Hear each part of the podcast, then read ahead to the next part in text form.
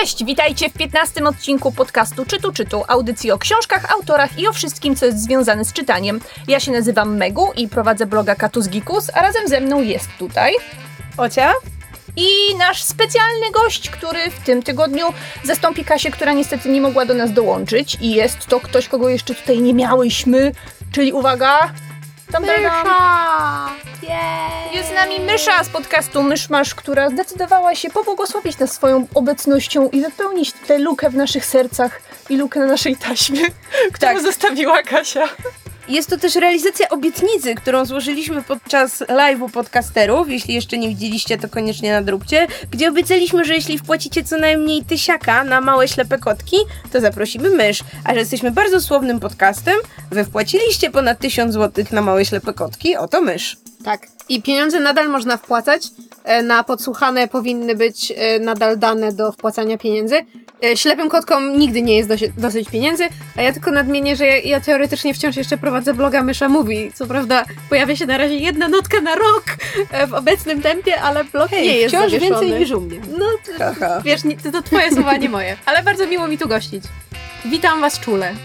Hurra! Jej. To co, zaczynamy? Nie wiem, mysz, Mysz. nie zna drilla, Nie. ponieważ mysz nas y, Nie sukcesywnie słucha. zlewa i nie słucha naszego podcastu. Bo nie mam czasu, to nie jest z braku e, miłości, czy sympatii, czy zainteresowania, tylko praca tłumacza, zlecenia dużo, język angielski taki trudny. Więc teraz przeszkolimy Cię na żywej tkance. To znaczy, nasz pierwszy segment, tradycyjnie, będziemy teraz opowiadać, co mamy w torebce, co ostatnio przeczytałyśmy i co aktualnie czytamy. I zacznie Ocia, żeby mysz posłuchała, jak to wygląda. Dobrze, bo ja aktualnie w torebce mam banana.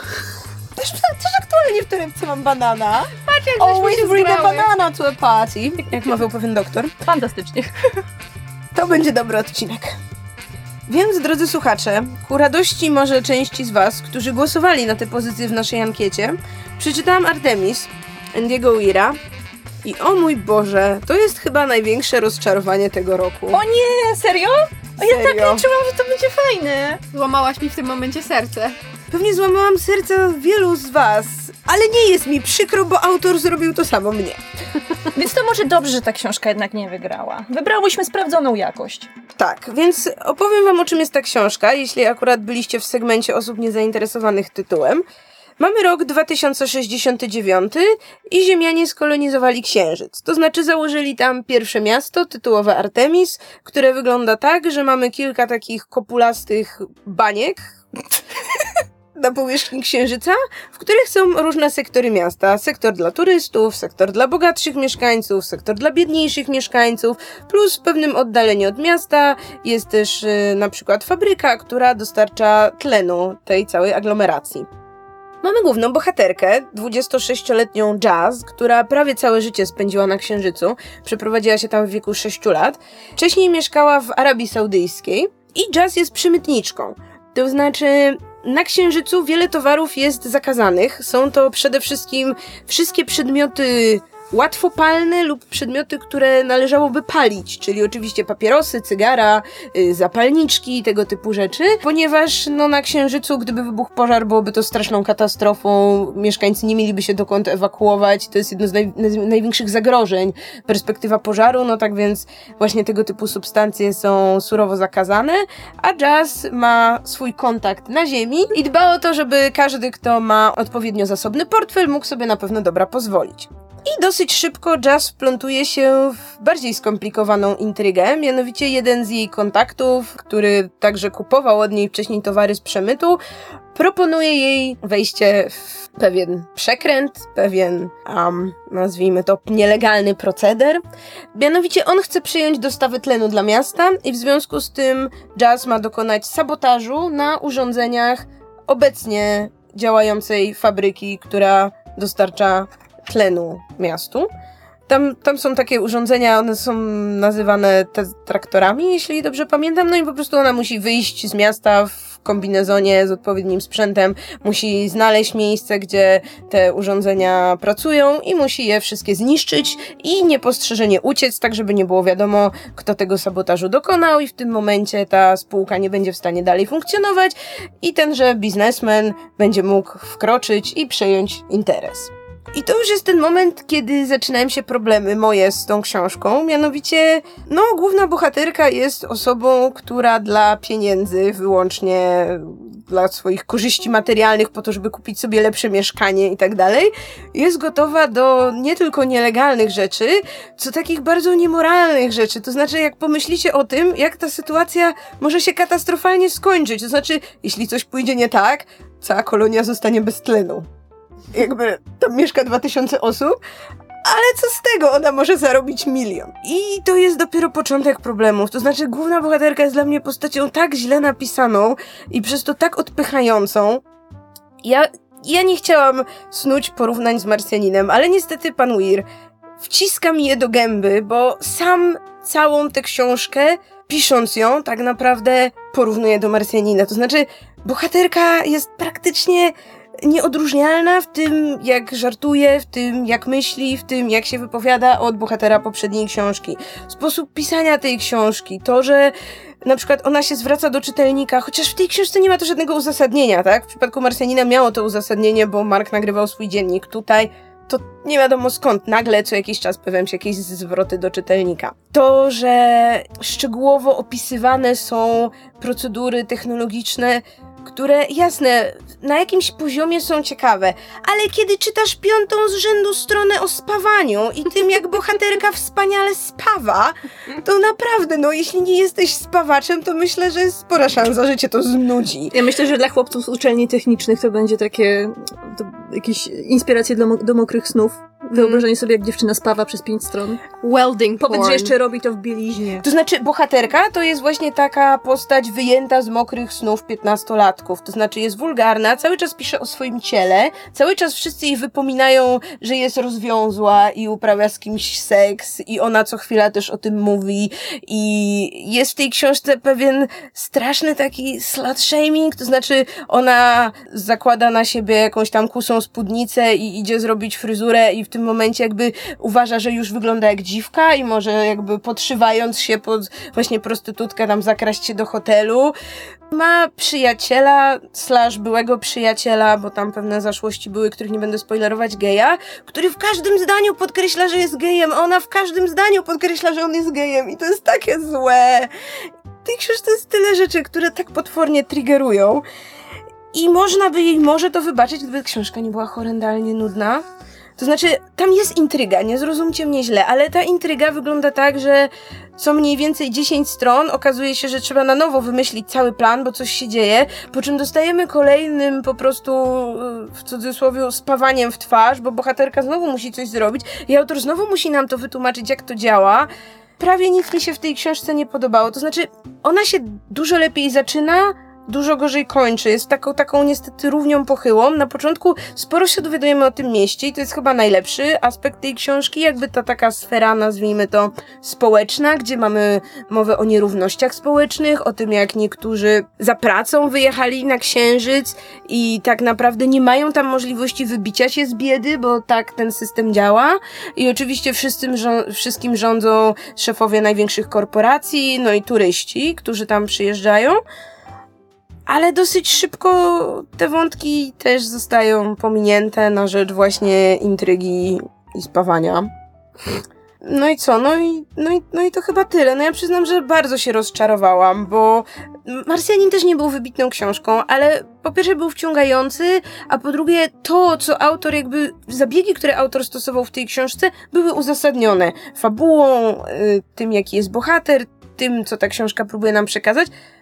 No w tej książce to wszystko nie wypaliło i przyznam szczerze, że trzy razy się zastanowię, nim sięgnę ewentualnie po kolejną książkę autora. Nie polecam.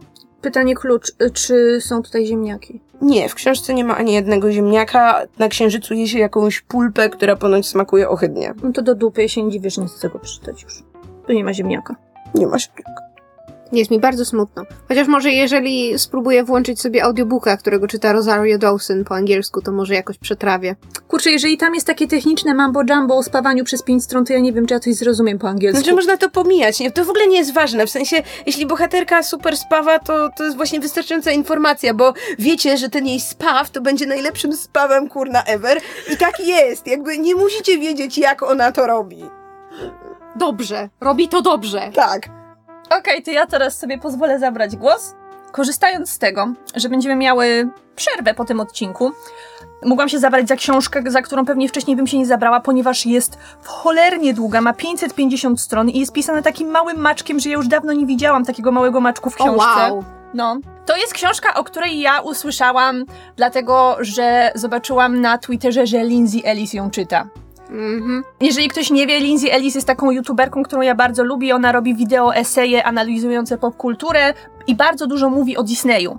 I to jest książka pod tytułem Disney War. Ona jest niestety tylko po angielsku, nie ma jej po polsku, którą napisał facet o totalnie generycznym amerykańskim imieniu i nazwisku James B. Stewart. To jest... em, to jest reporter e, The Washington Post, który dostał kiedyś Pulitzera za zupełnie inny temat związany z giełdą czy coś takiego.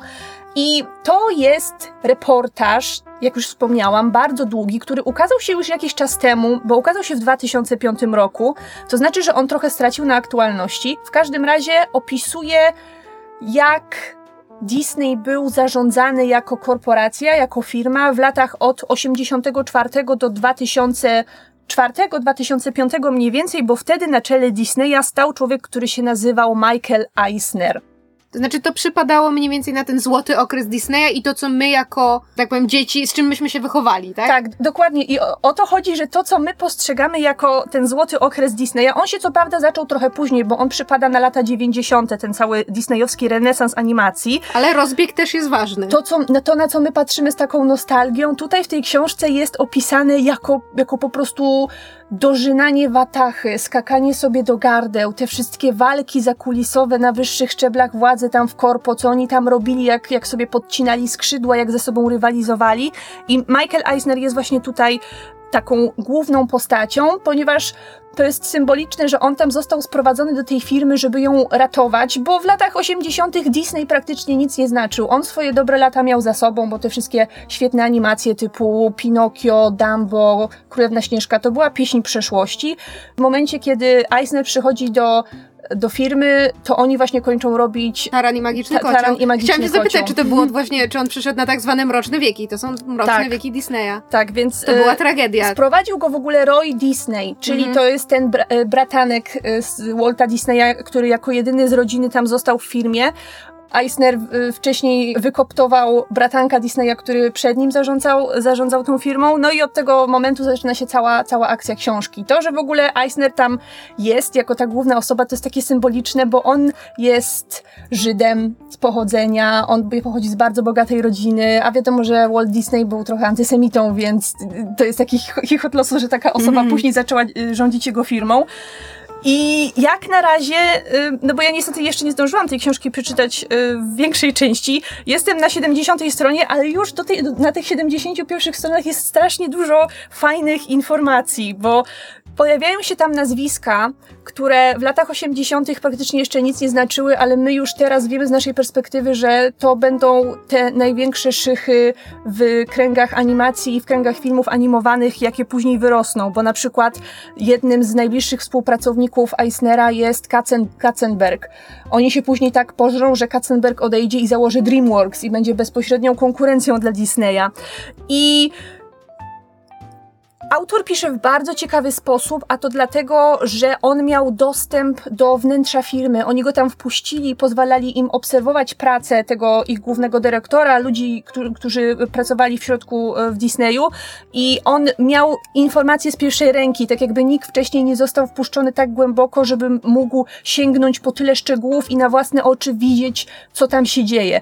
Więc e, podejrzewam, że ta książka zaczynała jako coś autoryzowanego przez Disneya, ale później, e, jak no, zaczęły się dziać różne akcje w latach 2000 z, z filmami Disneya i z całą korporacją, bo to później e, nadszedł dla nich kryzys, e, że jednak e, autor w oczach tych wszystkich korporacyjnych włodarzy troszeczkę stracił i podejrzewam, że w pewnym momencie ta książka stała się dla nich niewygodna. Ale y, jestem strasznie ciekawa, co tam będzie dalej opisywane, bo ja jestem na razie na tym etapie, że Eisenberg się, Eisenberg, tfu, Eisner się wgryza w to całe korpo, poznaje je i oczywiście na całym wstępie stwierdza, ponieważ on pochodził z Paramountu, on tam zrobił karierę i tam robił ich najlepsze filmy, typu Splash albo Flashdance na przykład, on stwierdza, że on będzie rozwijał filmy aktorskie, a animacja go w ogóle nie obchodzi. Więc on animację zostawia Katzenbergowi, a sam próbuje rozwijać inne rzeczy. I rzeczywiście jest, to, jest on przedstawiany jako człowiek, który ma niesamowity dryg do interesów, ma mnóstwo fajnych pomysłów, ale niektóre rzeczy mu jednak nie wychodzą. To jak na przykład od razu stwierdza, że filmy animowane są do dupy i on ich nie będzie rozwijał. I tam jest fajnie pokazane, jak Katzenberg wchodzi właśnie do firmy tuż przed tym, jak Taran i Magiczny Kocioł ma wyjść i on sam bierze ten film i próbuje go zedytować, żeby cokolwiek jeszcze z niego wyszło. A filmu animowanego nie da się edytować tak jak normalnego filmu, bo nie ma nadmiaru materiału, który możesz wkleić w dziury. No także, tak jak y, może niektórzy z naszych słuchaczy się orientują, Taran i Magiczny Kocioł to była wielka finansowa wtopa Disneya i nawet w tej książce jest napisane, że tęczowe misie wtedy zarobiły więcej, co jest smutne i straszne za, za jednym razem. I to, co mi się no- jeszcze podobało, tam są opisane spotkania, jakie Eisner robił ze, ze swoimi tymi wszystkimi ludźmi, którzy byli pod nim w całej organizacji i on na przykład bardzo wcześnie rano robił e, tak zwane gong meetings, że zbierał osoby z jakiegoś działu, na przykład z działu, anima- z działu animacji i mówi, każdy z was ma mi przygotować pięć pomysłów. Więc oni przychodzą na to spotkanie i każdy zaczyna mówić e, po kolei te swoje pięć pomysłów, a jeżeli i, i w tym momencie Eisner bierze gong, jak walnie w gong, to znaczy, że odpadasz, twój pomysł jest do dupy.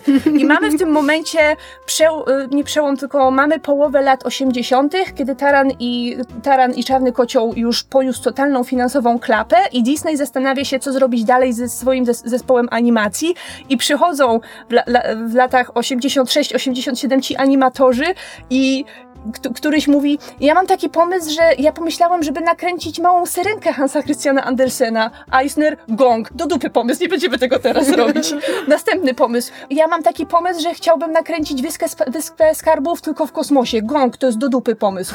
I, i Znaczy, mieli trochę racji, bo Wyspa Skarbów, znaczy Planeta Skarbów nie miała zbyt wysokich wyników e, kasowych. tak, była tam taka dwójka animatorów, która była tak uparta, że przez 10 lat forsowała tą planetę skarbów i ją kurde nakręcili i po cholerę, skoro to tak, było... to byli ci, którym wyszło tak najpierw kazano strasznie. zrobić właśnie małą syrenkę i Herkulesa. Tak, dokładnie. Ja, ja lubię Planetę Skarbów. A no. potem wstaje trzeci animator i mówi: Ja mam taki inny pomysł.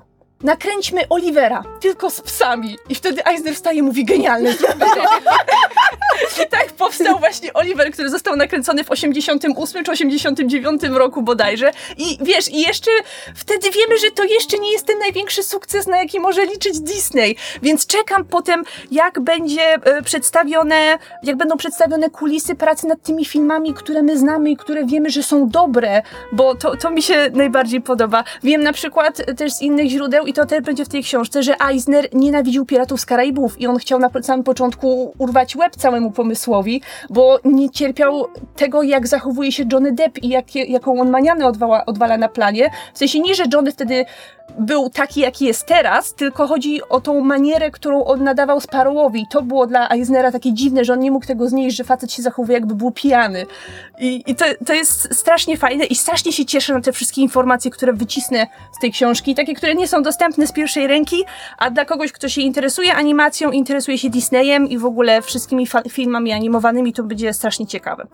Także e, jeżeli ktoś czyta po angielsku i lubi takie reportaże związane bardziej z biznesem, zarządzaniem, historią, ale też generalnie kinem, to myślę, że dla niego ta książka będzie bardzo ciekawa. To my już się ustawiamy w kolejce Tak. do pożyczenia. Ja jestem bardzo ciekawa, czy to będzie coś o parkach rozrywki, bo ja mam niejasne wspomnienie, że Tak. Eisner był, właśnie ten, ta jego żyłka do interesów, ten jego zmysł biznesmena sprawił, że rozkwit przeżyły właśnie parki rozrywki i stamtąd y, Disney zaczął czerpać bardzo dużo zysków. Tak, w ogóle jak on przyszedł do firmy, to na tym głównie chciał się skupić. Oprócz filmów pełnometrażowych, których jeszcze wtedy nie rozwijał, ale w momencie, kiedy on przychodzi do firmy w latach 80., parki rozrywki to jest właściwie ta rzecz, która zapewnia Disneyowi najwięcej kasy, bo oni wtedy nic innego nie robili, tylko ładowali pieniądze i inwestycje w te parki rozrywki. Także o tym też w tej książce jest bardzo dużo powiedziane. Ja to pamiętam dlatego, że jak e, jeszcze w latach 90., kiedy ja się wychowywałam, e, były kasety wideo z filmami, to przed nimi oczywiście były reklamy, które się przewijały i były między innymi reklamy filmów, które dopiero, prawda, wyjdą, dopiero wyjdą w kinach, ale między innymi były też zapowiedzi rzeczy, które wyjdą na kasetach wideo i właśnie reklamy parków rozrywki. I tam bardzo często właśnie jako te głosy, które do ciebie mówiły i polecały ci to wszystko, pojawiali się właśnie Roy Disney i Eisner. Więc to jest jakby moje wspomnienie z dzieciństwa, te dwie twarze. Ale ty mówisz o kasetach wideo, które były w Ameryce wydawane, tak? Tak, Bo które nas ja na miałam, Polsce- ja tak, u miałam, ja miałam sprowadzane. nie było. Ja miałam ze Stanów kasety wideo, które potem trzeba było hakować, żeby chodziły na, na polskim wideo. Dobrze, Myszu, to w takim razie twoja kolej teraz. Opowiedz nam, co przeczytałaś. To ja, żeby zróżnicować asortyment, przeczytałam książkę nieco starszą, natomiast w przygotowaniu na nowszą, ponieważ y, nie tak dawno temu premierę miała zupełnie niespodziewanie, przynajmniej dla mnie, bo wcześniej nie słyszałam, że są plany, żeby w ogóle powstała. Książka pod tytułem Ramses the Damned, The Passion of Cleopatra. Anne Rice, autorki m.in. wywiadu z wampirem. Jest to kontynuacja książki The Mummy or Ramses the Damned. Po polsku tytuł po prostu Mumia. Tam w, jak się otworzy kartę tytułową, to rzeczywiście tam gdzieś jest dopisek Ramses Przeklęty. No i jak można sobie wyobrazić, to jest Anne Rice wersja e, opowieści o, o klątwie mumii i o tym, prawda, nieśmiertelnym faraonie, który powraca, żeby w wersji przynajmniej filmów Universal mścić się na tych, którzy śmieli obudzić go i, i wypuścić z grobowca. A Anne Rice, która jak wiemy uromantyczniła nam wampiry i dała nam takie, prawda, cierpiące istotki jak Louis de Pontdulac, czy taki, prawda, bardzo niegrzeczny wampirek Lestat de Lioncourt. Ty pamiętasz, jak imię nazwisko? Och, kochana, ja się wychowałam na kronikach wampirów. Zresztą na tej książce też się wychowałam. Z Ona... którego to jest roku? To jest książka oryginalnie z roku 1989, a wydanie polskie jest z 2002. I ja zakładam, że niedługo potem je czytałam. I tak, i tak jak Rice uromantyczniła wampiry, tak wzięła sobie za punkt honoru, żeby uromantycznić również mumię. Czy jest tam seks z mumią? O Boże. Przepraszam. Pewnie więcej niż raz. Czy chociaż zdjęła bandaże? Twoja niewinność mnie bawi. O, Okej, mów dalej. Tak, Tu z Anne Rice, tam musi być seks ze, ze wszystkimi. O Boże. tak. Mamy y, historię niejakiego Laurensa Stratforda, y, szlachcica, bogacza, którego wielką miłością zawsze był Egipt i który od y, pewnego czasu właśnie poświęca się nie życiu towarzyskiemu w Anglii, bankietom i tak dalej, tylko sobie y, zaszył się w Egipcie i sobie odkopuje mumię. No i odkopuje mumię Ramzesa Przeklętego, na, na drzwiach y, krypty, którego oczywiście jest napisane, że ten, kto zbudzi tego wielkiego faraona, e, Ramzesa Wielkiego, tego spotka klątwa, nie wystawiajcie mnie na światło dnia, nie mogę go oglądać i tak dalej, i tak dalej.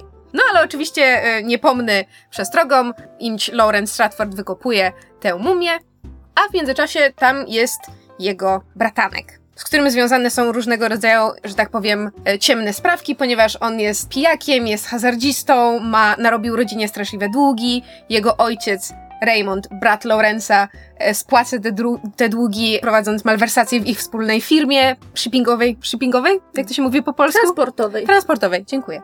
Firma shippingowa. Firma, która Shipowania ludzi. Najlepsze shipy tylko u nas. profesjonalnie zajmuje się szypowaniem ludzi. No i em, Henry, w, e, że tak powiem, chcący lub niechcący doprowadza do śmierci Laurensa, a mumia zostaje przewieziona do Anglii. Więc mamy już motyw tego, jak mumia zostaje sprowadzona do Londynu, turowiecznego. Jak dzikie seksy to tylko w XIX-wiecznym. No Coś i mi się z epoką wiktoriańską kojarzy. To musi być ta epoka. No jak Anglicy kradli mumię, to wtedy. wtedy Tak, ale po prostu nie, nie, byłam, nie byłam pewna, czy to było bliżej początku, czy znaczy jak, jak, bliż, jak blisko końca. E, I zostaje sprowadzona do Londynu, gdzie mumią zajmuje się córka Lorenza, Julie Stratford, nasza główna bohaterka. No i słuchajcie, mumia się budzi. No way! Way! Tak. Bo okazuje się, że e, Ramzes, tak jak ostrzegał w swoich dokumentach, zaiste jest przeklęty, jest nieśmiertelny. Do tego stopnia nieśmiertelny, że żyje już ileś naście tysięcy lat. W związku z tym e, miał też okazję na przykład e, spotkać Kleopatrę. Bo przez wiele lat służył kolejnym pokoleniom królów Egiptu jako ten nieśmiertelny, e, podróżujący po całym świecie i doradzający im pomocnik, czy właśnie doradca. No i mumia zostaje obudzona, no i oczywiście w typowym e, stylu Anne Rice okazuje się przystojnym, inteligentnym, wykształconym e, mężczyzną, który w trymiga dzięki swojej nieśmiertelnej duszy i umysłowi uczy się języka angielskiego, nadgania całą, że tak powiem, historię od momentu, kiedy poszedł spać e, do teraz, bo Jego nieśmiertelność polega na tym, że e, budzi się wtedy, kiedy padną na niego promienie słońca. Kiedy chce zasnąć na wiele wieków, bo oczywiście jest nieśmiertelny, zabić go nie można, to po prostu się chowa tam, gdzie jest ciemno i się zamienia w taką wysuszoną mumię. No i potem zaczynają się różnego rodzaju hece, no bo mamy, prawda, e, mumię, która powstała. Część osób się o tym dowiaduje i teraz jest kwestia, czy utrzymają to w sekrecie, jak zareagują na wieść, że istnieje w ogóle nieśmiertelny faraon, e, czy będą pragnęli zyskać tę nieśmiertelność dla siebie, bo Ramzes zna przepis na, na nieśmiertelność. Nie jest tak, że on ją zdobył i to koniec, tylko on zna przepis i mógłby to komuś przekazać dalej. E, Zresztą jest powiedziane, że wcześniej eksperymentował z tą nieśmiertelnością, więc są, są ku temu przesłanki. On jest oczywiście nadal nieszczęśliwie zakochany w swojej biednej, utraconej Kleopatrze, która wolała Marka Antoniusza od niego. Zawsze to musi być Kleopatra, no? Tak, zawsze to musi być Kleopatra. Ale demonizują tą kobietę, nie? Mm. Och, ona jest tak okrutnie potraktowana w tej książce. Anne Rice ją tak skrzywdziła. Dlatego między innymi wróciłam do pierwszej części, e, przygotowując się na drugą, ponieważ jak sam tytuł wskazuje The Passion of Cleopatra, zakładam, że ma się skupiać na Kleopatrze. A bo to teraz wyjdzie, tak? Kontynuacja. Już wyszła, więc dlatego wróciłam do pierwszej części, bo ostatni raz czytałam ją za młodu, kiedy, prawda, młodość durna i chmurna, romantyczna i wszystko było takie piękne i wizja starożytnego Egiptu i, i nieśmiertelności i tej mumii, która powstaje, jest taka wykształcona i chce ci dać tę nieśmiertelność. Umówmy się, to bardzo działa na młodzieńczą wyobraźnię. Jej, starożytny Egipt, jej szczury, jej trąd, jej, ale było wtedy fajnie. Ja, ja jak miałam te lat naście, kto by nie chciał. byłam absolutnie zafascynowana starożytnym Egiptem do tego stopnia, że rodzice mnie na wakacje wywieźli do starożytnego Egiptu A i nie, to ja był najlepszy prezent. Mumie to były bardzo fascynujące w ogóle zjawisko. No tak, no wiesz, to wyciąganie haczykiem mózgu przez nos. Och, ja kochałam o tym czytać, o mumifikacji. To najlepsza rzecz ever. Miałam albumy ilustrowane Tak. na ten temat. Też miałam takie mumie, gdzie były takie wielkie zbliżenia na te takie czaszki już odwinięte z bandaży. No. Om nom nom nom nom. Zresztą do dzisiaj mi to zostaje, bo jak y, zawsze jestem w jakimś e, mieście jest muzeum, e, że tak powiem, narodowe albo właśnie muzeum historii, to tam zawsze pierwszy pokój, do którego się idzie, to są mumie. Już myślałam, że, po, że powiedz, za każdym razem jak jestem w prosektorium. Nie, aż takich kontaktów nie mam. No więc mamy, e, prawda, problem, bo mumia powstała, część osób o tym wie, część osób z kolei podejrzewa, że coś się dzieje, ale nie wiedzą do końca co, no bo w to zamieszany jest zarząd Muzeum Londyńskiego, które w jakiś sposób nadzorowało te wykopaliska i wiedzą, że została wykopana mumia Ramzesa, natomiast nie do końca są pewni, jakie tam są machlojki.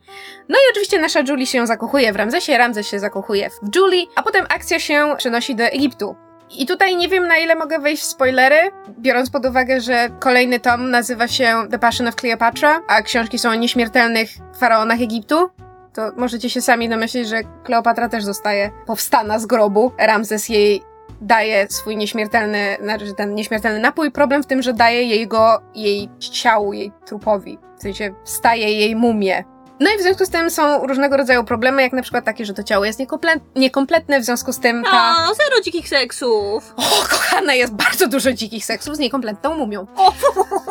Uj, okej. Em, no ale jakby ta niekompletność wpływa również na jej umysł, na jej, nie wiem, duszę, istotę, w związku z tym ona nie jest do końca pewna tego, co się stało, no bo jakby nie do końca zdaje sobie sprawę z tego, że umarła, nie do końca sobie zdaje sprawę z tego, kim jest ona, kim jest Ramzes, kim był pojawiający się w jej wspomnieniach Marek Antoniusz, jaki jest szerszy kontekst tego wszystkiego, no i oczywiście jak to typowa e, mumia, która nie do końca wie, co się dzieje, idzie na tak zwane killing spree, czyli za- zabija wszystko, co się rusza. Nasi bohaterowie próbują ją odnaleźć. E, Jest oczywiście trójkąt miłosny pod tytułem Ramzes, Kleopatra, Julie i, i, i jak to się tam ostatecznie rozwiąże. W to też jest zamieszane wszystko narzeczony Julie, bo ona w tym wszystkim ma jeszcze narzeczonego, z którym Oczywiście. e, e, którym oczywiście ma, ma ten, przysięgła mu rękę. W to jest zamieszany ojciec tego jej narzeczonego, który z kolei wie, że Ramzes jest mumią i, i jest już starszym panem, więc tak jakby robi zakusy na ten eliksir. To jest bardzo skomplikowane, wątków jest wielość. Natomiast to, co ja zauważyłam po, e, po powrocie, po latach do tej książki, która tak kiedyś niesamowicie działała na moją wyobraźnię, to jest to, jak to jest fatalnie napisane. Pod względem budowania postaci, pod względem dialogów, które są straszliwie e, poszarpane, jakby niektóre myśli się zaczynają i się nie kończą, pewne zdania są zupełnie wyrwane z, z kontekstu i nie odnoszą się do niczego. Jakby książka cierpi na bardzo duże od, odwrotność show, don't tell. Znaczy ona nam wszystko mówi, nic nam nie pokazuje. Czyli na przykład bardzo wiele osób nam mówi, że Julie jest taką niezależną, pewną siebie, współczesną, tutaj cudzysłów, kobietą.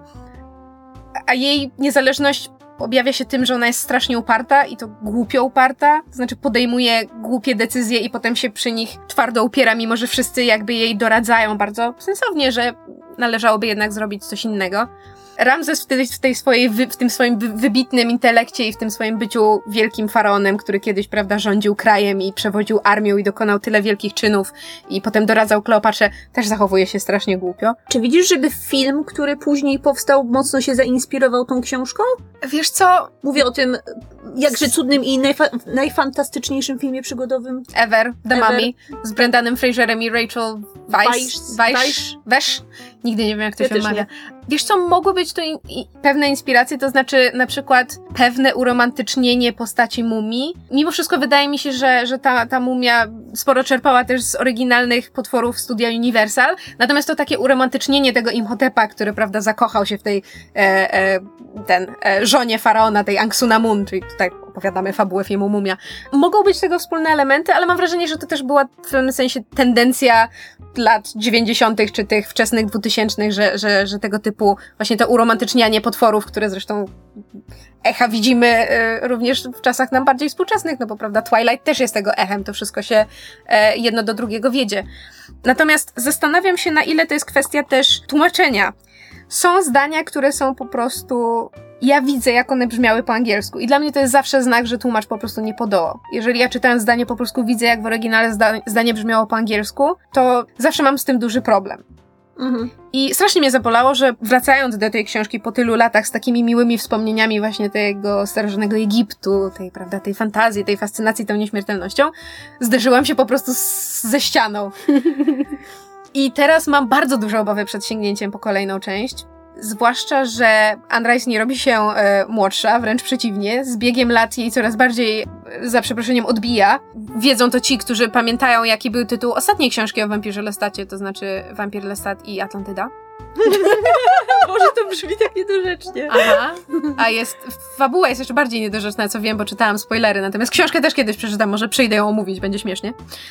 I dodatkowy problem jest taki, że tę kontynuację autorami są Anne Rice i syn Christopher, co prawdopodobnie oznacza, że Anne Rice się nie chciało i z całym szacunkiem dla Christophera on nie jest tak dobrym pisarzem, jak Anne Rice kiedyś była. Anne Rice też nie jest już teraz tak dobrą pisarką, jak Anne Rice kiedyś była. Kiedy jej się skończyła faza na Jezusa? O, parę lat temu. Znaczy ona jest nadal wierząca, ale przeszła jej ta Już nie piszę powieści o Jezusie. Nie, już przeszła jej ta, że tak powiem, em, wielka pasja na temat Jezusa. Bo to było, chodziło o to, że jej syn jest homoseksualistą, prawda? Tak, ona w pewnym momencie się jakby pokłóciła się z kościołem katolickim e, i jakby stwierdziła, że ona nadal jest wierząca, nadal jakby czuje więź z Chrystusem, natomiast nie zgadza się z, e, z tym, co mówi kościół katolicki, więc jakby się trochę od niego odseparowała, co nie zmienia faktu, że wątki wiary i religii się nadal w jej książkach pojawiają. Jest to pewnie dla niej nierozerwalnie związane z moralnością, a ponieważ ona bardzo często pisze książki o potworach, które właśnie kwestionują swoją moralność, swoje człowieczeństwo, więc ten motyw e, zawsze powraca. Więc tak, jestem pełna obaw na, na tę drugą książkę.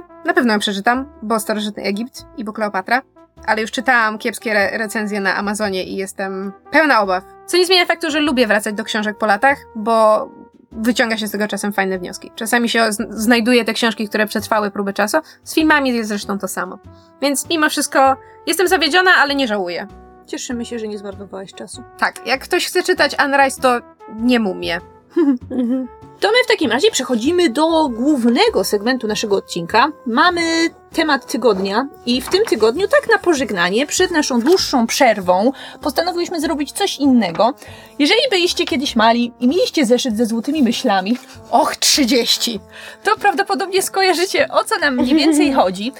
Mianowicie po internecie krąży wiele kwestionariuszy czytelniczych, czyli właśnie pewnego rodzaju złotych myśli ze zbiorem pytań, które zadaje się ludziom a propos ich nawyków czytelniczych, tego co czytają, tego jak czytają i my właśnie wybrałyśmy kilkanaście takich pytań z randomowych różnych kwestionariuszy i stwierdziłyśmy, że wam na nie odpowiemy. Tak. Będziemy jak typowy blogasek o książkach, bo nie ma blogaska bez okazjonalnych właśnie takich łańcuszków czytelniczych, gdzie właśnie osoby nominują kolejne osoby, żeby odpowiadały na te pytania. My nominowałyśmy same siebie i dowiecie się o nas czegoś więcej w tym odcinku. Znaczy, ludzie się bardzo często z tego nabijają, a ja bardzo lubię tego typu kwestionariusze, bo można w, w stosunkowo krótkiej i takiej bardzo właśnie przypadkowej formie dowiedzieć się czasem naprawdę ciekawych rzeczy i można dowiedzieć się o, tych, o tytułach, o których w innym wypadku byśmy nie usłyszeli, bo nie ma na Od przykład tego jest okazji. nasz podcast. Tak, nie ma na przykład okazji o nich, prawda, powiedzieć. Tak, a że właśnie po poprzednim odcinku pisaliście nam, że lubicie jak wrzucamy tak dużo różnych tytułów książek w różnych kontekstach, to to też jest taka kolejna okazja. A jeżeli sami chcielibyście też odpowiedzieć na te pytania, to możecie oczywiście zostawić swoje komentarze y, w sekcji pod odcinkiem i chętnie sobie poczytamy, co o tym Tak. myślicie. Tak jest. To co, lecimy? Lecimy, zaczynamy To od lecimy z pierwszym pytaniem. Pierwsze pytanie to jaka jest najgorsza książka, do której lektury cię zmuszono? Czy to musi być książka zakończona? Zakładam, że nie. Jeśli była tak straszna, to, to chyba zrozumiałe, że ktoś porzucił. Znaczy, nie wiem, czy podpada to oficjalnie pod książkę, ale kiedyś miałam taką koleżankę, jak byłam młodsza, która sama pisała rzeczy. Uuu, Tak. Mam nadzieję, że nas nie słucha. pozdrawiamy. Jedną książkę gdzieś tam wydała, jaki, wygrała w jakimś konkursie, a potem próbowała napisać drugą. I to niestety był ten okres, kiedy e, wszyscy e, pisali ostre romanse, ostre erotyki, więc ona też napisała taki ostry erotyk i zapytała, czy bym nie chciała przeczytać. Na całe szczęście nigdy mi nie wróciła, żeby za- zapytać o opinię, ponieważ ta książka była straszna. I to właśnie do jej przeczytania mnie zmuszono. Było tam mnóstwo złych scen seksu, trójkątu, trójkątów w różnych i różnych kombinacjach, nie tylko trójkątnych, czworokątnych i tak dalej. Cała Także- geometria. Tak, to było złe. Euklidesowi by się podobało. Y, Ja przyznam, że szukałam przede wszystkim wśród lektur szkolnych, no bo zakładałam, że to były te rzeczy, do których mnie zmuszano, ale trudno mi było znaleźć, bo ja lubiłam większość lektur, więc musiałam cofnąć się aż w zamierzchłe czasy szkoły podstawowej. Tam była taka książka, nazywa się Chłopcy z placu broni i ja do dziś mam traumę. Na To znaczy- ja płakałam! Ja, to znaczy tak, ja wiem, że to będzie polaryzująca opinia, bo wiele osób uważa to za piękną, wzruszającą opowieść. y, I jak słuchaliście poprzednich odcinków, to wiecie, że ja generalnie lubię wzruszające książki o dzieciach, ale nie tę. Nienawidziłam Nemeczka całym sercem i pisałam na szkolnych wypracowaniach, dlaczego ta książka jest zła i głupia. Tak więc dziękuję, panie Ferencu Molnarze, czy jakkolwiek odmienia się pana nazwisko. Trauma pozostała do dziś. To ja w ogóle chłopców z pracy broni już nie pamiętam. Ja pamiętam, że byli, ale nie pamiętam o czym Prawda? byli. Oj, to było takie głupie, że dziecko umiera na zapalenie płuc w imię zasad. Czy oni tam wydłubywali kit z okna? Bardzo Być możliwe. może. Taki przebłysk mam. To skoro jesteśmy w temacie lektur szkolnych, ponieważ ja zawsze czytałam dla przyjemności, w związku z tym jedyne książki, do których czytania mnie zmuszano, to były lektury. E, muszę się przyznać do bardzo wstydliwej rzeczy, mianowicie w pierwszej klasie liceum, kiedy zaczęliśmy omawianie lektur na języku polskim, jednymi z pierwszych, które omawialiśmy był Giaur, a potem Cierpienia Młodego Wertera. I to były książki, które tak mnie zniechęciły do czytania w ogóle, że ja potem przez całe liceum, trzy lata, nie przeczytałam ani jednej lektury, w związku z tym wyobraźcie sobie, jakie miałam fantastyczne oceny z kartkówek i klasówek, oprócz, i tu się trzymajcie, przedwiośnia, które z jakiegoś powodu szalenie mi się spodobało. Bo tam były sceny seksu, to dlatego. Nie, po prostu trafił do, trafił do mnie bohater, trafiło do mnie jakby realia, to jak to zostało opisane, to o czym była książka, a drugą książką, która do mnie trafiła i tak naprawdę do dzisiaj nie wiem dlaczego, znaczy był Mistrz i Małgorzata.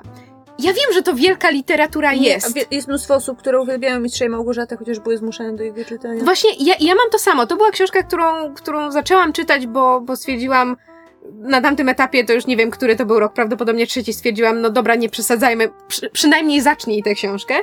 I czytałam, czytałam, czytałam, czytałam i tak stwierdzałam, że kurczę, ja jej nie rozumiem, jestem na nią za głupia, nie podoba mi się, po czym skończyłam całą i stwierdziłam, wow, to było coś.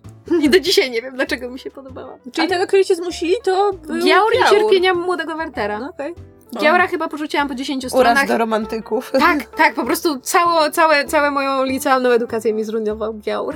No to widzisz, zupełnie odwrotnie, że ja uwielbiam romantyzm. Dziady to jedna z moich ulubionych książek. Mm. Dobrze, kolejne pytanie. Jaka jest jedna książka, którą zawsze polecasz praktycznie każdej osobie? Ociu. E, Więc ja sobie napisałam Krainy Chichów Jonathana Karola. To jest książka, którą wręczyłam bardzo wielu osobom w prezencie. Z reguły, jak jeszcze nie znałam jakoś super dobrze czegoś gustu czytelniczego, bo to jest taka książka, która moim zdaniem spodoba się bardzo wielu osobom. To znaczy, jeśli lubisz fantastykę, okej. Jeśli nie lubisz fantastyki, też okej. Jeśli nie czytasz dużo książek zbyt często, też okej. Jest to książka, którą przeczytałam dawno temu, bo jeszcze byłam w gimnazjum i wracałam do niej jakoś dużo lat później i jak dla mnie przetrwała próbę czasu. I od tej książki też zaczęła się moja fascynacja nie tylko samym autorem, co ogólnie magicznym realizmem, więc pewnie też dlatego została gdzieś tam w mojej pamięci i tak, jak ktoś tak losowy zapyta mnie, ej, poleć mi jakąś książkę, to to będzie ta. To u mnie pierwsza rzecz, która zawsze w takich, przy takich pytaniach przychodzi mi do głowy, to jest coś, co już wspominałam tydzień temu, bo to zawsze jest Madame Antoniego Libery. Ta książka zrobiła na mnie tak niesamowite wrażenie, ponieważ nie spodziewałam się, że polski autor może tak pisać i może odcisnąć na mnie tak mocno swoje piętno. I to nie jest, i to, to jest bardzo dobra literatura, ale to nie jest wiecie, wielka polska powieść, taka, która opowiada o historii i w ogóle ją mieli, to jest opowieść o tym, jak chłopak zakochuje się w swojej nauczycielce od francuskiego. I jak wygląda jego życie w liceum, co on tam robi, żeby tę nauczycielkę, nauczycielkę poznać, żeby zrobić na niej wrażenie i tak dalej. I pamiętam, że ona jest napisana w tak niesamowity sposób, że ja byłam w niej zakochana. Także to jest taka książka, którą zawsze polecam, przynajmniej próbuję, jeżeli ktoś szuka rzeczywiście polecanek. To ja mam u siebie dwa tytuły. E, jeden to jest e, Perfume The Story of a Murderer, czyli Pachnidło. pachnidło. Historia mordercy. Tak jest. Petera Suskinda. I to jest książka, która po prostu jest... Patryka. Patryka? Patryk Zyski. Ja zawsze się mylę. Zawsze mówię na niego Peter. A to Niemiec. Ja wiem, ale zawsze mówię Peter. Mimo, że patrz, mam na kartce napisane Patrick Suskind. To jest absolutnie niesamowita książka, napisana, to znaczy, wiecie, to jest ten taki e, frazes, że napisać książkę o zapachu to jest jak tańczyć o matematyce, czy jak tam idzie ten, e, to, to powiedzenie. A mimo wszystko to się udało, to jest po prostu fantastycznie napisana historia, fantastycznie napisany bohater, który jest z jednej strony złym, a z drugiej strony niezrozumianym człowiekiem, z którym czujemy więź. Poza tym to, jak jest pokazany przemysł właśnie perfumiarski też mnie zawsze fascynowała. I to jest taka książka, która mam wrażenie każdemu, kto lubi czytać bez względu na gatunek ma prawo się spodobać, bo to jest po prostu dobra literatura. A drugą taką książką i dla mnie w sumie ważniejszą, bo to jest po prostu moim zdaniem bardzo ważna książka pod względem rozwoju jako, nie wiem, człowieka, jednostki, istoty, jakby tego nie powiedzieć, są Kwiaty dla Algernona Daniela Kisa, co teoretycznie jest uznawane za klasykę science fiction, chociaż tego science jest tam mało. I to, jeżeli nie wiecie, to jest historia chłopca, Charliego, który jest e, opóźniony w rozwoju i zostaje poddany eksperymentalnej operacji, terapii, jakby tego nie nazwać, która ma sprawić, że stanie się inteligentniejszy. No i, jest to prowadzone w postaci pierwszoosobowej narracji dziennika Charliego. I jest to niesamowite, po pierwsze z tego względu, że to nie jest tak, że on, że on po tym zabiegu jest tylko inteligentny, to jego inteligencja systematycznie, niemalże geometrycznie wzrasta. Czyli to jest to takie, obserwujemy e, jednostkę, która w pewnym momencie staje się inteligentniejsza niż czytelnik, a potem staje się inteligentniejsza niż wszyscy wokół, a potem inteligentniejsza niż najwięcej, najwięksi geniusze na planecie i jest w tym wszystkim sama. Tak samo jak była sama w swojej początkowej ułomności. A druga kwestia, która jest niesamowita, to jest to, jak to jest napisane, ponieważ Charlie pisze pierwszoosobowo, w związku z tym zaczynamy takim łamanym językiem z błędami ortograficznymi, który systematycznie patrzymy, jak coraz bardziej ewoluuje, staje się coraz bardziej płynny, obrazowy, prawda, skomplikowane słownictwo. I to jest książka, która po pierwsze uczy empatii, po drugie jest właśnie takim studium samotności, a po trzecie straszliwie łamie serce. I to jest absolutnie tragicznie piękna książka. I jeżeli jej nie znacie, to, to błagam, przeczytajcie. Ona jest malutka, jest króciutka, szybko się czyta. Jest też opowiadanie, bo najpierw było opowiadanie, potem była powieść, więc jeśli znajdziecie opowiadanie, to też może być. Tak, natomiast jest to książka, którą po prostu, tak jak nie lubię mówić, że są książki, które należy przeczytać, to to jest jedna książka, którą powinno się przeczytać. Nawet jeżeli jest science fiction, to nie jest wasza bajka. No dobrze, lecimy Czekaj, ja jeszcze tylko dodam, że jakbyście zaczęli szukać tej książki i nie moglibyście jej znaleźć poza Allegro za 500 zł, nie przejmujcie się, w przyszłym roku ma być wznowienie. Dobrze, trzecie pytanie. Jaka była ostatnia książka, która trzymała was przez pół nocy, taka była wciągająca? Książka, o której mówiłam w podcaście, Wiara Anny Kańtoch. Ostatnia książka, którą czytałam po nocach. To ja muszę się przyznać, że od wielu lat już nie czytam w łóżku, w sensie jakby do snu nie czytam, bo to był moment, w którym jakby książka miała szansę utrzymać moją uwagę tak, żebym nie zasnęła. E, Teraz czytam w innych porach dnia. Natomiast książką, której nie mogłam odwo- od- odłożyć, był opowieść podręcznej Margaret Atwood, ale w postaci audiobooka czytanego przez Claire. Danes. Żartujesz? Powtarza się wam. Mam to samo na kartce. Ale widzisz, ja słuchałam audiobooka, którego, którego czytała Claire Danes i robiła to fantastycznie, więc jakby to był też powód, dla którego nie mogłam odłożyć książki. No ja czytałam sama, na pewno też czytałam fantastycznie. Ja chciałam jeszcze tylko dodać, że ja bardzo lubię czytać książki po nocach, ale niestety jako ta osoba, która musi wstawać do biura, no raczej nie mogę zarywać nocy. Jedynie kiedy mamy właśnie jakieś wolne, jakiś chwilowo urlop, tak więc właśnie to była książka, dla której zarywałam noce w ostatnie wakacje. I przyznam, że ja bardzo to lubię, bardzo lubię to uczucie, jak to jest ta książka, że faktycznie jest tak wciągająca, że tę noc zarywasz. No bo dla wielu książek jakby tak szkoda nocy, no nie? Bo, No. bo będzie można skończyć jutro. A właśnie tak, opowieść podręczna jest taka totalnie elektryzująca i trzymająca za gardło, że aż chce się, chce się czytać i chce się skończyć. Mimo, że to nie jest, wiecie, no to nie jest kryminał, to jest po prostu taka porażająco prawdziwa i okrutna opowieść. Tak, to nie jest lekka książka. Bynajmniej. Ale- I to jest w ogóle śmieszne, bo ja pamiętam, ile razy w ciągu ostatnich bodajże siedmiu lat nie spałam przez książkę, ponieważ u mnie się to zdarza niesamowicie rzadko, także jestem w stanie wam powiedzieć te trzy ostatnie książki, przez które nie spałam w ciągu ostatnich siedmiu lat. Widać, jak Dajesz? często to robię. Czyli po pierwsze, jest to wiara, jak już wspomniałam. Poprzednia to były żniwa zła, Mhm. Galbraitha, a, a, a, a.k.a. J.K. Rowling, a jeszcze wcześniejsza to była y, dziesiąta część Pamiętników Księżniczki, ta, która była ostatnia w serii, więc ja musiałam zobaczyć, jak to się skończy. To, kochana, ja mam dokładnie to samo. U mnie to jest kolejno cofając się Ready Player One. Tego nie cierpi tej Ja książki. wiem, To- ale ona po prostu... Pochłaniałam stronę za stroną i niczego nie żałuję. Poprzednią była pierwsza książka S.J. Bolton, kryminał. Jeszcze poprzednią był któryś Harry Potter. No. Chyba piąty. Dobrze, to pytanie czwarte. Czy prowadzicie listy książek, które zamierzacie przeczytać? No, moja obecnie to read y, lista na Goodreads ma 2462 pozycje.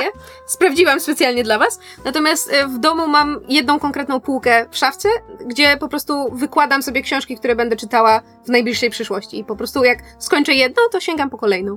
Ja mam, ja prowadzę listę na Goodreadsach, ale to jest bardziej lista, do której ja wsadzam książki, żeby o nich nie zapomnieć, że one istnieją, ale ja tak naprawdę z niej nie korzystam.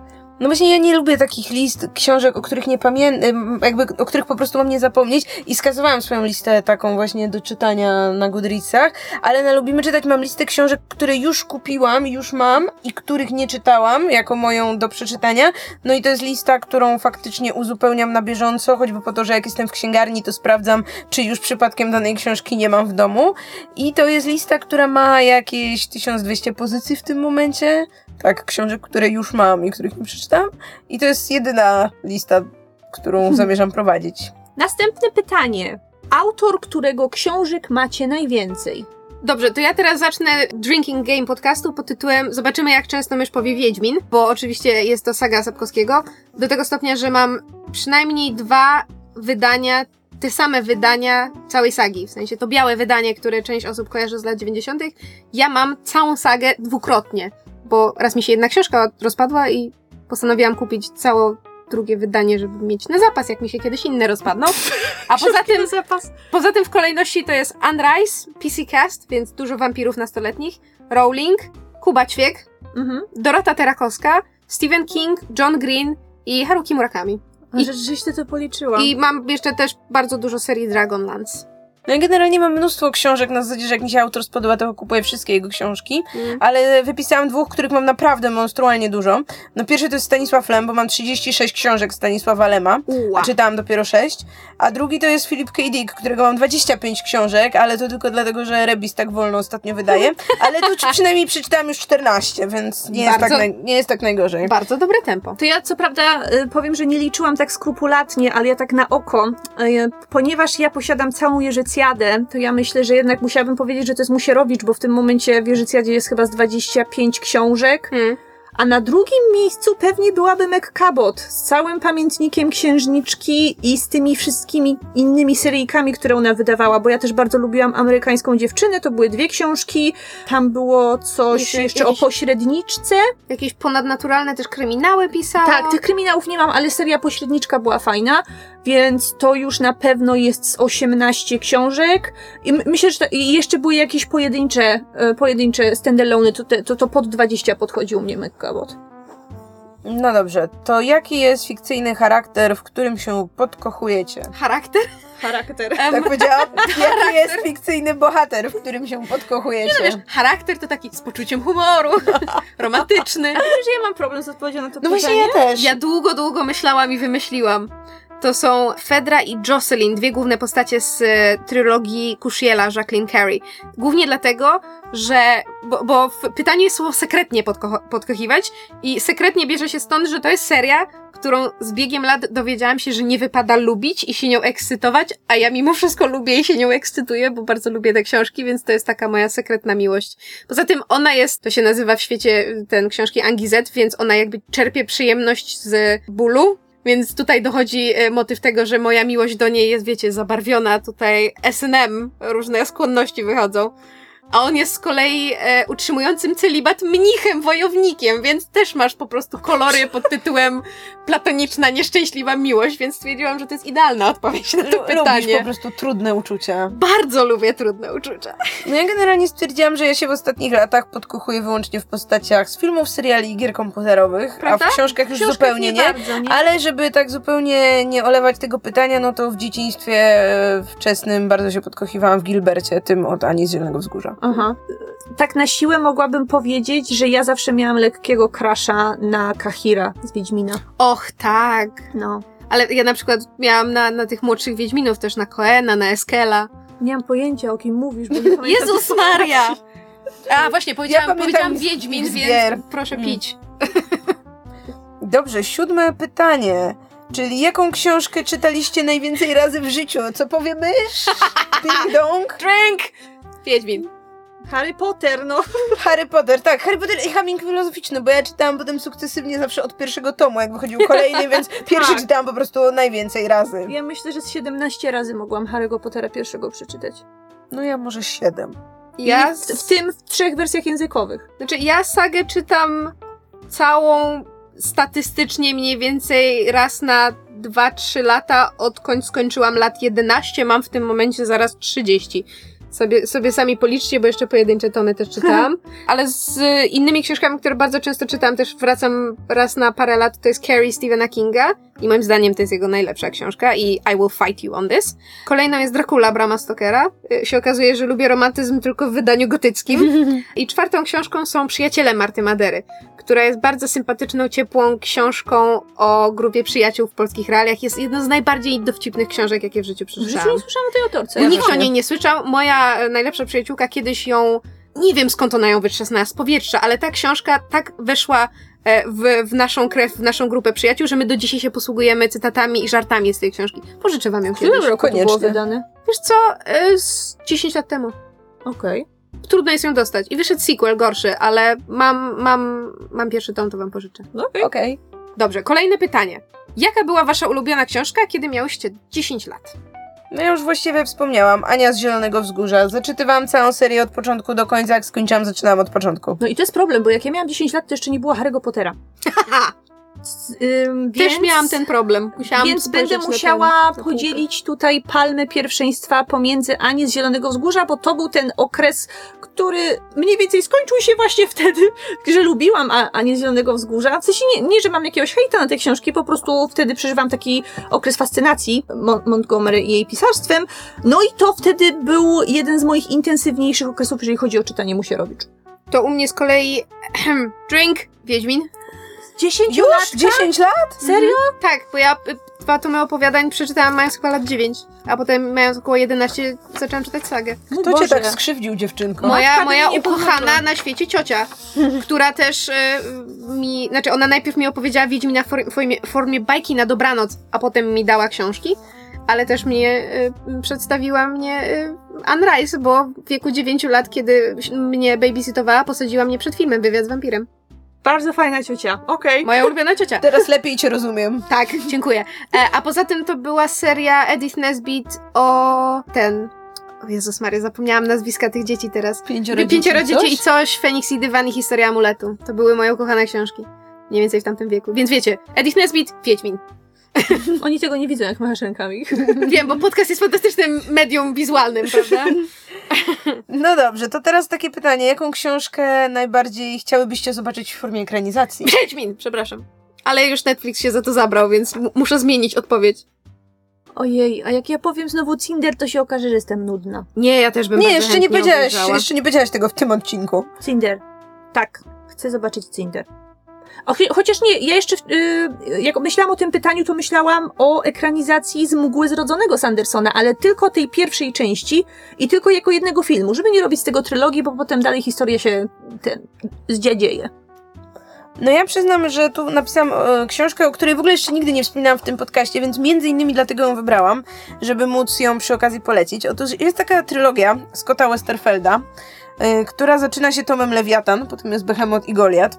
I to są książki z nurtu tak zwanego dieselpunku. One się dzieją w czasie I wojny światowej. Mamy mechy, mamy nastolatków z dwóch stron konfliktu, mamy super takie, nie chcę powiedzieć parowce, bo to jest trochę jak parowiec, ale napędzany różnymi zwierzętami, które pełnią tam różne funkcje. Są nietoperze, które mogą atakować i są jaszczurki kurierskie. W ogóle świat tego jest totalnie tak, tak bogaty.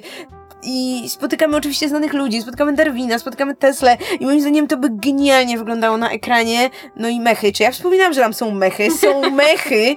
Tak więc bardzo proszę, nie, niech mi to zrobi, nie wiem, ktoś, kto umie w mechy i w, i w XIX wiek. Znaczy, no nie, już bardziej XX, no XX wiek, ale z takimi, powiedzmy, tymi takimi naleciałościami steampunkowymi, takim duchem trochę XIX-wiecznym, tak więc tak, to jest moja odpowiedź.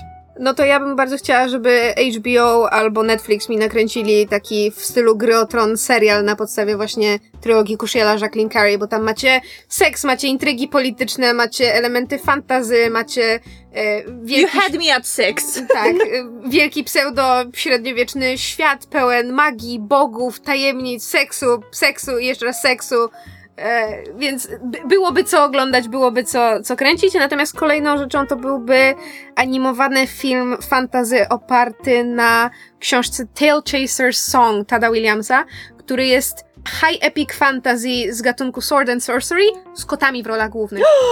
Kojarzę, to, Ale to czekaj, chyba to wyszło nie- w Polsce, To wychodzi nie? po polsku i nawet ostatnio jakaś nowa część wyszła. Ja czytałam po angielsku. Na pewno Ted Williams jest wydawany przez Rebis i nie wiem, kto, co konkretnie, bo ileś jego serii jest, Jak ale się nazywa możliwe, że... autor tych książek? Tad Williams. Zaraz sprawdzę, bo jestem prawie pewna, że to wychodzi po polsku. Ja czytałam po angielsku jedną książkę. Nie wiem, czy było dalej. Natomiast pamiętam, że wywarło na mnie bardzo sympatyczne wrażenie i fajnie się czytało.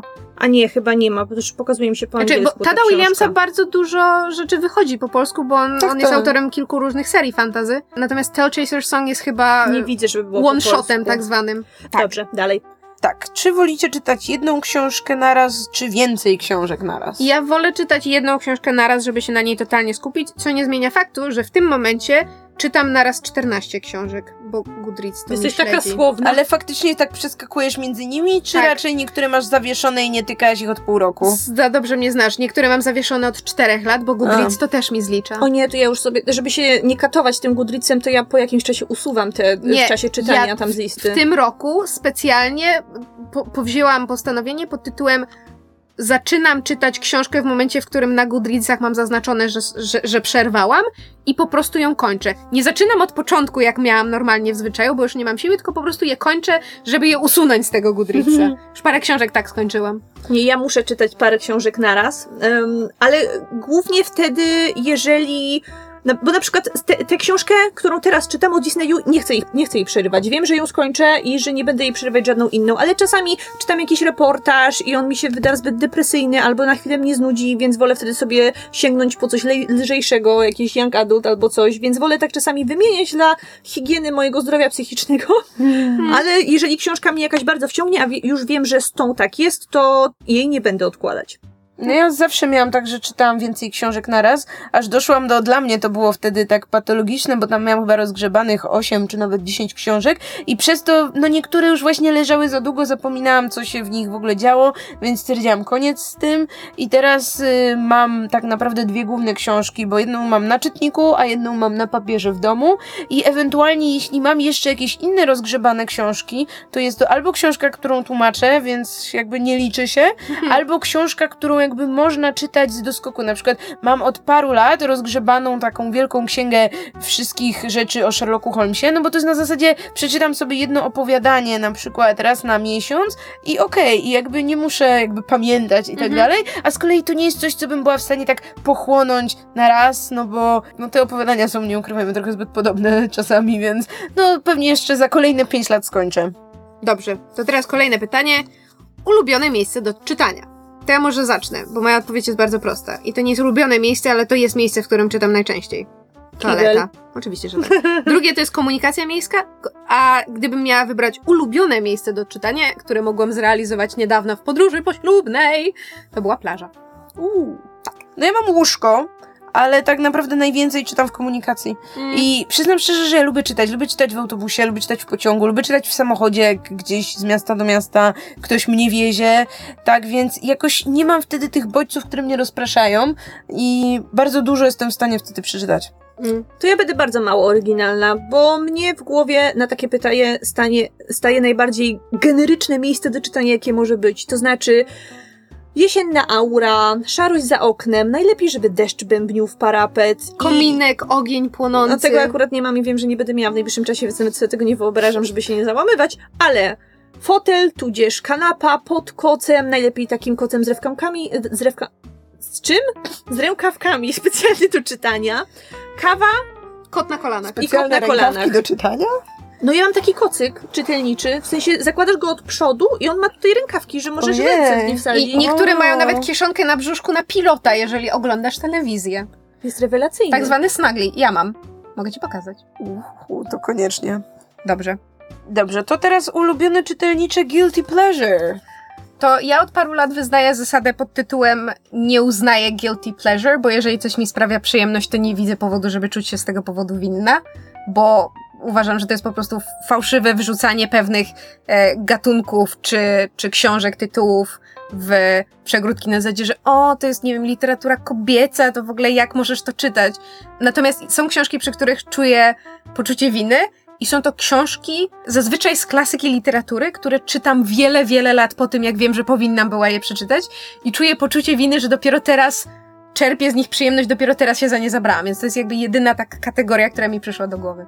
No ja sobie wpisałam tutaj pamiętnik księżniczki, to Och. znaczy nie dlatego, że czytam go teraz, ale znaczy jak zaczynałam czytać w liceum, to właśnie ja miałam to wtedy takie poczucie, no takiego trochę jednak wstydu, że już jestem trochę za stara i że powinnam czytać co, in, co innego może, ale wszyscy czytali, no to ja też czytałam i oczywiście czerpałam z tego jakąś tam przyjemność, ale później pamiętam jak byłam chyba na pierwszym roku studiów, no w każdym razie to już był ten moment, jak już było wszystkie 10 tych książek i wtedy przeczytałam tak autentycznie wszystkie jedna po drugiej od pierwszej do dziesiątej yy, na jakichś wakacjach i o Jezusie, jak, jak super było, ale tak, to jest bardzo, to jest bardzo guilty i nie przyznaję się do tego publicznie. Tak, ja, ja mam tak samo jak Ocia. Generalnie wszystkie książki Mac Cabot, zwłaszcza te, które są skierowane do młodszego odbiorcy, to są takim guilty pleasure. Chociaż ja mam podobnie jak mysz, w sensie ja nie czuję się winna z tego powodu, Znaczy, że no- je czytam. Po prostu to jest taka głupotka, która wiem, że nie jest ambitna, ale, ale lubię czasami sobie do nich wrócić. A poza tym, generalnie większość young adultów, które teraz czytam, to też w większości przypadków jest niestety na tyle mało ambitna i słaba, że, że mogę się rajcować niektórymi wątkami, ale jako całość to, to, to nie jest dobra literatura. Tak, ale z drugiej strony nie ma co czerpać z tego poczucia winy, no bo raz na jakiś czas w tym Young Adult trafi się jakaś ta perełka i uważam, że warto przekopać się przez te, e, wiesz, przez te hałdy, e, za przeproszeniem, badziewia, żeby nie powiedzieć główna, żeby dojść do tego jednego ten, jak to mówił Sapkowski, złoty samorodek w kupie kompostu. Tak, wspomniałam znowu Wiedźmina You Can Drink. Plus dla higieny umysłu wydaje mi się nie ma nic złego w tym, jak przeczyta się co jakiś czas książkę totalnie nieambitną, z której absolutnie nic się nie chce wynieść, po prostu jako takie czytadło dla przyjemności, Tak. albo kurczę w wannie, czy na plaży, czy gdziekolwiek. I nic nikomu od tego nie ubędzie. Absolutnie. Nie ma co się czuć winnym. Są naprawdę lepsze rzeczy, żeby się czuć winnym.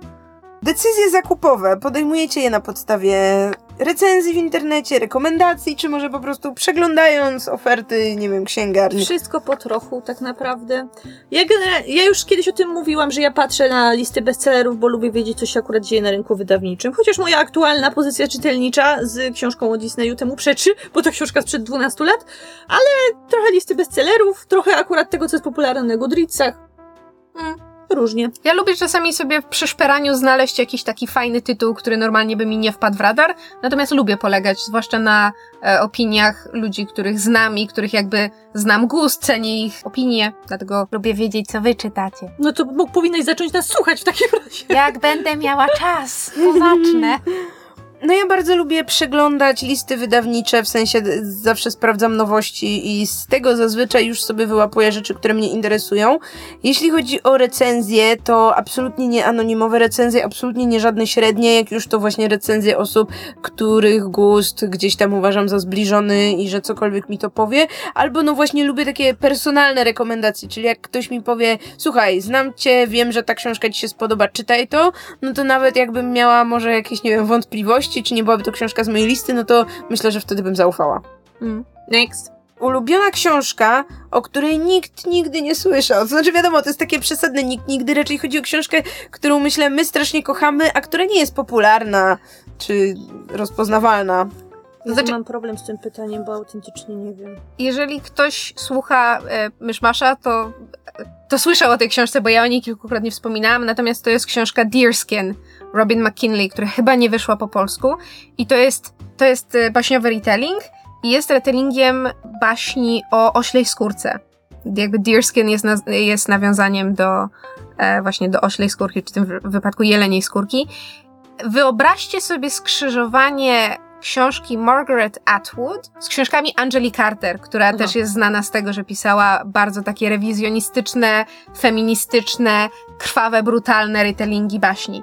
Nigdy nie spotkałam takiej książki, chyba nigdy więcej nie spotkam takiej książki, zresztą potem czytałam sporo Robin McKinley i bardzo mi się spodobały jej retellingi. E, jeżeli e, mam wrażenie, że któraś z was czytała serię Rosamund Hodge? Nie? Nie. To żadna Nie. z was? To któraś To z nie my. innych moich zaczytanych znajomych. E, zresztą też ma bardzo dobre retellingi. Ja w ogóle, jeśli chodzi o gatunek, tak ty o czym mówiłaś, o ten magical realism, Mhm. to ja z kolei bardzo lubię retellingi właśnie baśniowe i to jest książka, którą mną ostro trzepnęła. Jeżeli ktoś lubi właśnie e, klimaty feministyczno-baśniowe, które mocno trzepią w psychikę i są pięknym językiem napisanym, po prostu takim to jest utkane jak gobelin średniowieczny. Jest niesamowite i chyba niestety nie ma po polsku i podejrzewam, że nigdy nie będzie. Ale jeżeli ktoś ma nieźle obcykany angielski, to błagam, przeczytajcie tę książkę. No ja mam autora, który mam wrażenie w ogóle nie został zauważony i chyba jest bardzo mała szansa na wydanie w Polsce jego kolejnych książek. To jest KJ Parker. To jest pseudonim innego pisarza, ale to w tej chwili nieistotne. Mac wydał jego dwie książki, Składany nóż i Młot. I z tych dwóch, jakby w obu byłam totalnie zakochana, ale z tych dwóch wydaje mi się, że Młot jest tą lepszą, więc jeśli uda wam się znaleźć, to są książki, które walały się w, wiecie, po dychu w taniej książce w jakimś momencie i w supermarketach. Młot to jest taka opowieść, którą można by przyrównać trochę do dramatu antycznego, to znaczy tam jest taki totalnie konflikt tragiczny. Rzecz, rzecz się dzieje na wyspie, gdzie została wygnana rodzina arystokratów. Zapewne polityczne sprawki, i wpad- popadałem tam w konflikt zarówno z kolonistami, jak i z miejscową ludnością. To się dzieje w jakimś, wiecie, fantazylandzie, ale to jest tak realne politycznie, ekonomicznie, a jakby główną osią są sekrety rodzinne i intrygi. Powiem wam tak, w tej książce jest jakby główny sekret, główna tajemnica tej rodziny i w momencie jak wychodzi na jaw co to jest, to ja spać nie mogłam. To jest po prostu, to jest tak obrazowo i fenomenalnie napisane, że po prostu ten obraz będzie mnie po nocach prześladował do końca życia, więc jeśli znajdziecie młot, to kupcie i czytajcie. A czytałeś po polsku czy po Po angielsku? polsku. Czytałam po polsku i bardzo, bardzo mi się podobały właśnie obie książki KJ Parkera. Będę Również? musiała upolować po angielsku. To ja tylko, znaczy, bo ja jeszcze nie powiedziałam, ale ja wymyśliłam. Mhm. Czytałyście Wicked? Tak. Dobra, no to to Ocia zna, ale może wydaje mi się, że większość jednak nie wie, Większość że... pewnie nie zna. Gregory Maguire, Wicked, czyli książka, na podstawie której później zrobiono słynny musical na Broadwayu, która jest o wiele mroczniejsza niż sam musical i o wiele mroczniejsza niż w ogóle baśni o y, Dorotce i Krainie Oz, ale to mi się bardzo podobało. Takie fajne, soczyste fantazy z takim bogatym światem, a jednocześnie wplątujące motywy z naszego współczesnego świata, w sensie bardzo poważne problemy religijne, wojenne i tak dalej. Także to mi się bardzo podobało. I jest po polsku. Wydało to podejrzewam. Initium. Initium, tak. To była chyba ich pierwsza książka, którą w ogóle weszli na rynek, tak mi się wydaje. Dobrze, to teraz ostatnie pytanie. A propos e, poczucia winy i wstydu, bardzo adekwatne. Jaką książkę udaje się, że przeczytałyście, mimo że jest to nieprawda? Znaczy, ja przyznam szczerze, że to pytanie sprawiło mi dużo kłopotu, bo ja generalnie nie mam problemu, żeby powiedzieć, że nie czytałam jakiejś książki, choćby była nie wiem jak uznana. Aczkolwiek wydaje mi się, że czasem w dyskusjach, przez to, że wiem dużo o niektórych książkach, których nie czytałam, mogę sprawiać wrażenie, że coś czytałam, albo polecać coś komuś, kogo, czego nie czytałam. Więc yy, pierwsza książka, jaka mi przyszła na myśl, to jest Hyperion Dana Simonsa, bo ja ogólnie uwielbiam Dana Simonsa i tej akurat książki wciąż nie czytałam z takiej trochę głupiej przyczyny, że zostawiam ją sobie na deser, że ja, ja nie chcę jej przeczytać, bo ja wiem, że ona jest fenomenalna i wiem naprawdę dużo o, o tej książce tak na takim poziomie literackim, wiem jakie tam są motywy wykorzystane, wiem jakie zabiegi literackie są w tej książce. Jestem nią totalnie zafascynowana, mimo że jej nie czytałam. To ja na pewno popełniłam kiedyś grzech wyśmiewania się z książek Paulo Coelho, podczas gdy nie przeczytałam ani jednej. Także tak, to jest mój grzeszek. To ja z kolei mam bardzo ciężki grzeszek, to znaczy większość klasyki literatury światowej ze szczególnym uwzględnieniem e, amerykańskiej i brytyjskiej, co jest o tyle śmieszne, że byłam na studiach anglistycznych, w związku z tym powinnam była uzupełnić te braki, natomiast wszelkiego rodzaju dyskusje, jak są w internetach na temat, nie wiem, buszującego w zbożu albo paragraf 22, to ja tak sobie siedzę i myślę sobie, ha, ha, ha, ha, nie mam zielonego pojęcia, o czym mówicie. Nic, zero. Ale oto mój komentarz. Nie, zazwyczaj staram się trzymać z daleka, ale kiedy ludzie dookoła ciebie wszyscy mówią na zasadzie, no i tak, i pamiętasz, kiedy tam było coś tam, to ja tylko siedzę i potakuję, no bo głupio nagle wyskoczyć z tym, że nie znasz, nie? A teraz już wszyscy wiedzą. Teraz wszyscy wiedzą. Spokojnie. I z tą wiedzą będziemy musiały was zostawić. Mysz przez następne parę miesięcy będzie się spalała ze wstydu, ponieważ jej największy sekret wyszedł na jaw. A to było nasze ostatnie pytanie. I to był koniec naszego kwestionariusza. Więc Ocia w tym momencie zrobi nam tył, tyłówkę. Tak, zostawiamy was nie tylko na kolejny tydzień, ale na dłuższy czas z, z tą myślą, że to było ostatnie pytanie. Krzyczy osoba, która nie przysłała ani jednego odcinka tego podcastu. Czy możesz zejść ze mnie, nieszczęście ty moje? Słuchajcie, podcast wróci jak mysz przesłucha zaległe odcinki. E, jako, że w tym brała udział, to zostało jej tylko 14. Trzymajcie kciuki. A tak poza tym to oczywiście śledźcie nasz fanpage, bo tam będziemy dawać wam znać zarówno kiedy wracamy, jak i do kiedy macie czytać książkę. Przypominamy, wspólnie czytamy Cinder Marisy Meyer, żeby spotkać się na jej omówieniu zaraz po przerwie.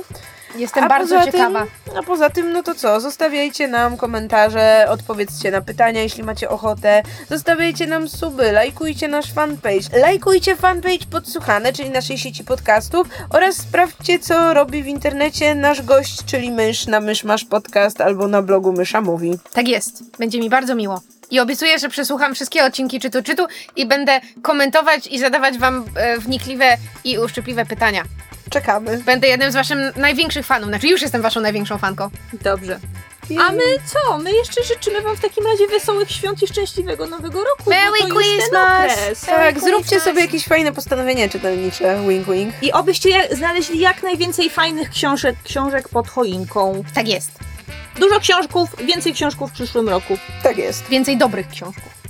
Usłyszymy się następnym razem. Za rok? Na pewno w przyszłym roku. Nie za rok, spokojnie, ale na pewno w przyszłym roku. Więc żegnamy się z wami bardzo czule i czekamy do naszego następnego spotkania. Pa, pa! Pa! Cześć! I dziękujemy naszemu gościowi. Dziękujemy myszu. Proszę bardzo. Cała przyjemność po mojej stronie. Koniec. Koniec. Koniec.